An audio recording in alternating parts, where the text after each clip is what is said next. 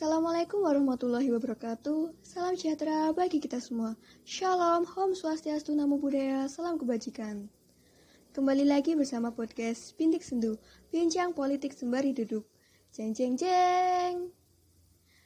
Nah, pada episode kali ini kita akan membahas mengenai parlemen, khususnya dalam topik keterwakilan perempuan di parlemen. Mungkin teman-teman udah nggak asing ya dengan apa yang disebut dengan parlemen. Di Indonesia sendiri, parlemen biasanya diidentikan dengan DPR, DPRD maupun DPD, atau biasa disebut dengan wakil rakyat. Oleh karena itu, keterwakilan perempuan dalam parlemen menjadi sebuah kebutuhan yang tidak dapat dikesampingkan. Karena berbagai problematika mengenai perempuan itu harus dan bisa diatasi oleh perempuan itu sendiri.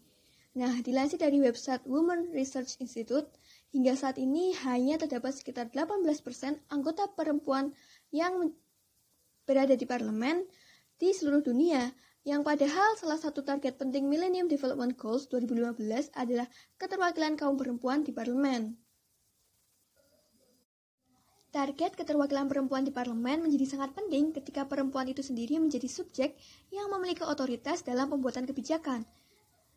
Nah, karena itu, menurut Annette Mary Gorge dan Hasim, partisipasi perempuan dalam politik dan publik merupakan salah satu pre-existing condition bagi demokrasi seutuhnya. Pentingnya meningkatkan representasi perempuan karena pengalaman dan kepentingan perempuan tentunya berbeda dengan laki-laki. Oleh karena itu, dibutuhkan adanya perubahan struktur politik untuk mengakomodasi perbedaan tersebut. Konstruksi biologis dan sosial perempuan yang berbeda adalah dua poin penting agar perempuan dapat terwakili dalam ranah politik. Oleh karenanya adalah penting untuk mengkombinasikan politik of presence dan politik of ideas di mana perempuan harus hadir atau present dan memberikan makna atau influence agar kebijakan-kebijakan yang dihasilkan parlemen menjadi lebih responsif gender. Banyak isu yang timbul terkait problematika keterwakilan perempuan dalam parlemen.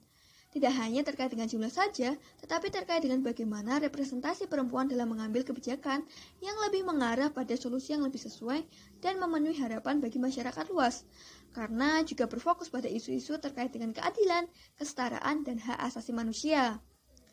Nah, keterwakilan perempuan yang memadai dalam parlemen setidaknya dapat memberikan, melengkapi, dan menyeimbangkan visi, misi, dan operasionalisasi parlemen Indonesia selanjutnya yang lebih objektif, namun berempati dan berkeadilan gender. Pengimplementasian perempuan dalam parlemen hingga saat ini masih sulit dilakukan, Cukup banyak hambatan dalam praktiknya, di antaranya adalah budaya patriarki, subordinasi perempuan, dan persepsi terdalam bahwa public domain atau wilayah publik hanya diperuntukkan bagi laki-laki dan bahwa kontrak sosial adalah mengenai hubungan antara laki-laki dan pemerintahan, bukan antara warga negara dengan pemerintahan. Hal ini tentunya menyingkirkan kalangan perempuan, meskipun hak-haknya sudah dijamin oleh hukum. Nah, kendala lainnya menurut buku International Idea yang ditulis oleh Azhar Karam yang berjudul Perempuan dalam Parlemen adalah adanya suatu kelaziman model maskulin mengenai kehidupan politik dan badan-badan pemerintahan hasil pemilihan.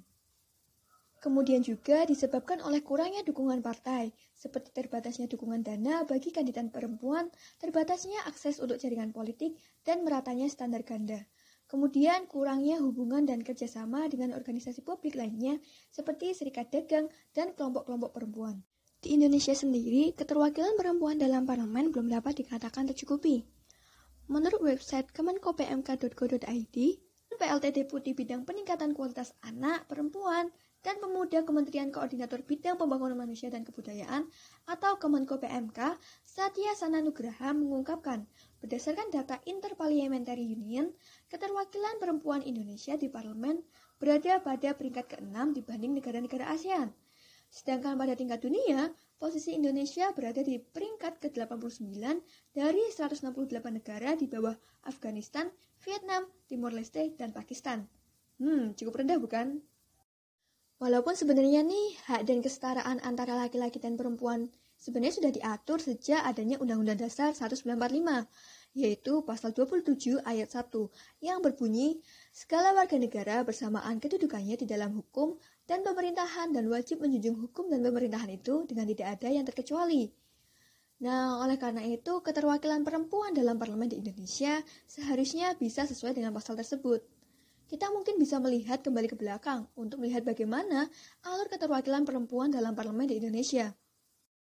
Dari salah satu sumber yang saya baca yaitu jurnal Palestren volume 7 nomor 2 tahun 2014 yang ditulis oleh Fatimah Zahra, sejarah perempuan dalam parlemen dimulai pada masa Orde, Orde Lama, yaitu pada pemilu 1955 jumlah perempuan di DPR mencapai 17 orang, empat di antaranya dari organisasi Gerwani dan lima dari Muslimat NU. Pemilihan pada tahun 1955 tersebut merupakan pemilihan umum pertama yang dinilai sebagai pemilihan paling demokratis, dengan partisipasi perempuan dalam politik didasarkan pada kemampuan mereka sebagai pemimpin dari unit-unit yang ada dalam organisasi-organisasi partai. Kemudian pada masa Orde Baru terjadi penurunan keterwakilan ketika perempuan hanya diberikan status sebagai pendamping suami. Organisasi perempuan terbesar waktu itu yaitu PKK dan Dharma Wanita juga tidak diberikan kesempatan berkontribusi dalam pengambilan keputusan politis dan hanya lebih menjadi alat pelaksana program pemerintah yang selalu cenderung top-down. Kemudian dalam pemilu 1999, proses pemilihan mengalami perubahan cukup berarti, di mana rekrutmen kandidat partai untuk lembaga legislatif termasuk perempuan harus disetujui oleh daerah. Sebagian besar wakil perempuan yang terpilih berpartisipasi dalam proses pemilu, antara lain adalah dalam upaya pembelaan terhadap masyarakat, diskusi, ceramah, dan kegiatan partai lainnya yang berhubungan dengan kampanye pemilu.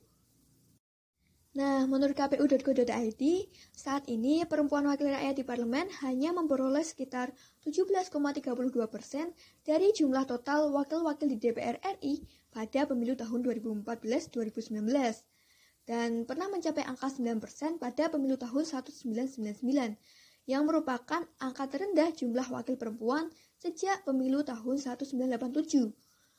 Saat ini sebenarnya terdapat kebijakan afirmasi yaitu kuota 30% keterwakilan perempuan yang sudah diatur dalam Undang-Undang Nomor 10 Tahun 2008 tentang Pemilu Anggota DPR, DPD, dan DPRD, serta Undang-Undang Nomor 2 Tahun 2008 tentang Partai Politik yang telah memberikan mandat kepada partai politik untuk memenuhi kuota 30% bagi perempuan dalam politik, terutama di lembaga perwakilan rakyat.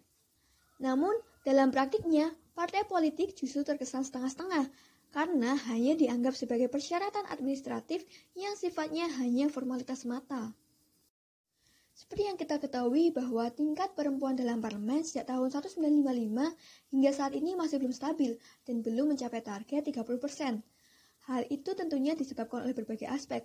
Salah satunya yaitu dari wakil perempuan itu sendiri, di mana tingkat korupsi yang justru dilakukan oleh wakil-wakil perempuan tinggi yang tentunya akan menurunkan kepercayaan pemilih. Hal ini terjadi pada pemilu tahun 2014 yang akhirnya menurunkan kuantitas wakil perempuan di parlemen. Berdasarkan jurnal peran publik perempuan dalam parlemen, yang ditulis oleh Fatimah Zahra, sebenarnya wakil perempuan di parlemen dalam kaitan dengan kinerjanya dapat dibedakan menjadi tiga kelompok, yaitu yang pertama adalah wakil rakyat perempuan sebagai aksesoris. Wakil rakyat ini muncul sebagai wakil rakyat yang hanya sebagai penambah kuantitas kuota sebuah partai. Sepak terjangnya tidak ada dan cenderung pasif menghadapi problematika rakyat. Kemudian yang kedua yaitu tipe yang progresif. Tipe kedua ini memang bukan personal yang paham terhadap perjuangan perempuan sejak awal. Namun ketika menjadi anggota dewan, masih mampu berniat untuk belajar dan mempolakan pikirannya sebagai pejuang perempuan. Dan yang ketiga adalah tipe yang pejuang sejati. Tipe ini sepak, sepak terjangnya tidak dapat dilakukan lagi. Nah, tadi kan kita udah sempat menyinggung terkait dengan kebijakan afirmasi 30% untuk perempuan di parlemen. Sebenarnya apa aja faktor yang menyebabkan keterwakilan perempuan di parlemen Indonesia tidak mencapai 30% tersebut? Menurut Richard E. Maitland, dalam keterwakilan perempuan dan sistem pemilihan umum tahun 2001, ada beberapa faktor yang menyebabkan keterwakilan perempuan di parlemen Indonesia itu tidak bisa mencapai 30%, yaitu Faktor pertama adalah berhubungan dengan konteks budaya di Indonesia yang masih sangat kental dengan asas patriarkinya. Persepsi yang sering dipegang adalah bahwa area politik adalah untuk laki-laki dan bahwa perempuan itu tidak pantas untuk duduk di parlemen. Kemudian faktor kedua adalah berhubungan dengan proses seleksi dalam partai politik. Seleksi terhadap para kandidat biasanya dilakukan oleh sekelompok kecil pejabat atau pemimpin partai yang tentunya hampir selalu laki-laki. Kemudian yang ketiga adalah berhubungan dengan media yang berperan penting dalam membangun opini publik mengenai pentingnya representasi perempuan dalam parlemen. Keempat, tidak adanya jaringan antara organisasi massa, LSM, dan partai politik untuk memperjuangkan representasi perempuan. Nah, itu tadi adalah beberapa faktor yang menyebabkan keterwakilan perempuan di Indonesia belum mencapai 30% seperti yang diharapkan. Sejatinya sih Indonesia juga udah menyusun ulang strategi untuk digunakan dalam memenuhi afirmasi 30% perempuan dalam parlemen. Nah, berdasarkan pada buku internasional IDEA yang berjudul Perempuan dalam Parlemen, setidaknya terdapat tujuh strategi untuk memenuhi afirmasi 30% tersebut, yaitu yang pertama adalah membangun dan memperkuat hubungan antar jaringan dan organisasi perempuan. Misalnya, Kongres Wanita Indonesia yang merupakan federasi dari 78 organisasi wanita yang bekerja sama dengan perempuan dari berbagai agama, etnis, dan organisasi profesi yang berbeda. Yang ini penting sekali untuk mendukung perempuan di parlemen dan mereka yang tengah berjuang agar terpilih masuk ke parlemen. Kemudian yang kedua adalah meningkatkan representasi perempuan dalam organisasi partai-partai politik. Yang ketiga, melakukan advokasi para pemimpin partai-partai politik ini perlu dalam upaya menciptakan kesadaran tentang pentingnya mengakomodasi perempuan di parlemen, terutama mengingat kenyataan bahwa mayoritas pemilih di Indonesia adalah wanita. Kemudian yang keempat adalah membangun akses ke media. Dan yang kelima adalah meningkatkan pemahaman dan kesadaran perempuan melalui pendidikan dan pelatihan. Nah, yang keenam adalah meningkatkan kualitas perempuan. Keterwakilan perempuan di parlemen tentunya menuntut suatu kapasitas yang kualitatif, mengingat bahwa proses rekrutmen politik sepatutnya dilakukan atas dasar sistem merit.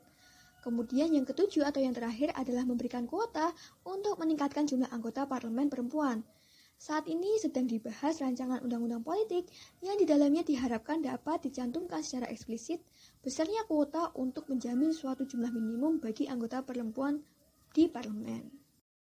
Oke, mungkin dari tadi kita sudah membahas mengenai keterwakilan perempuan dalam parlemen, khususnya di Indonesia, mulai dari faktor penghambat atau kendala hingga strategi yang digunakan untuk mencapai kuota 30%.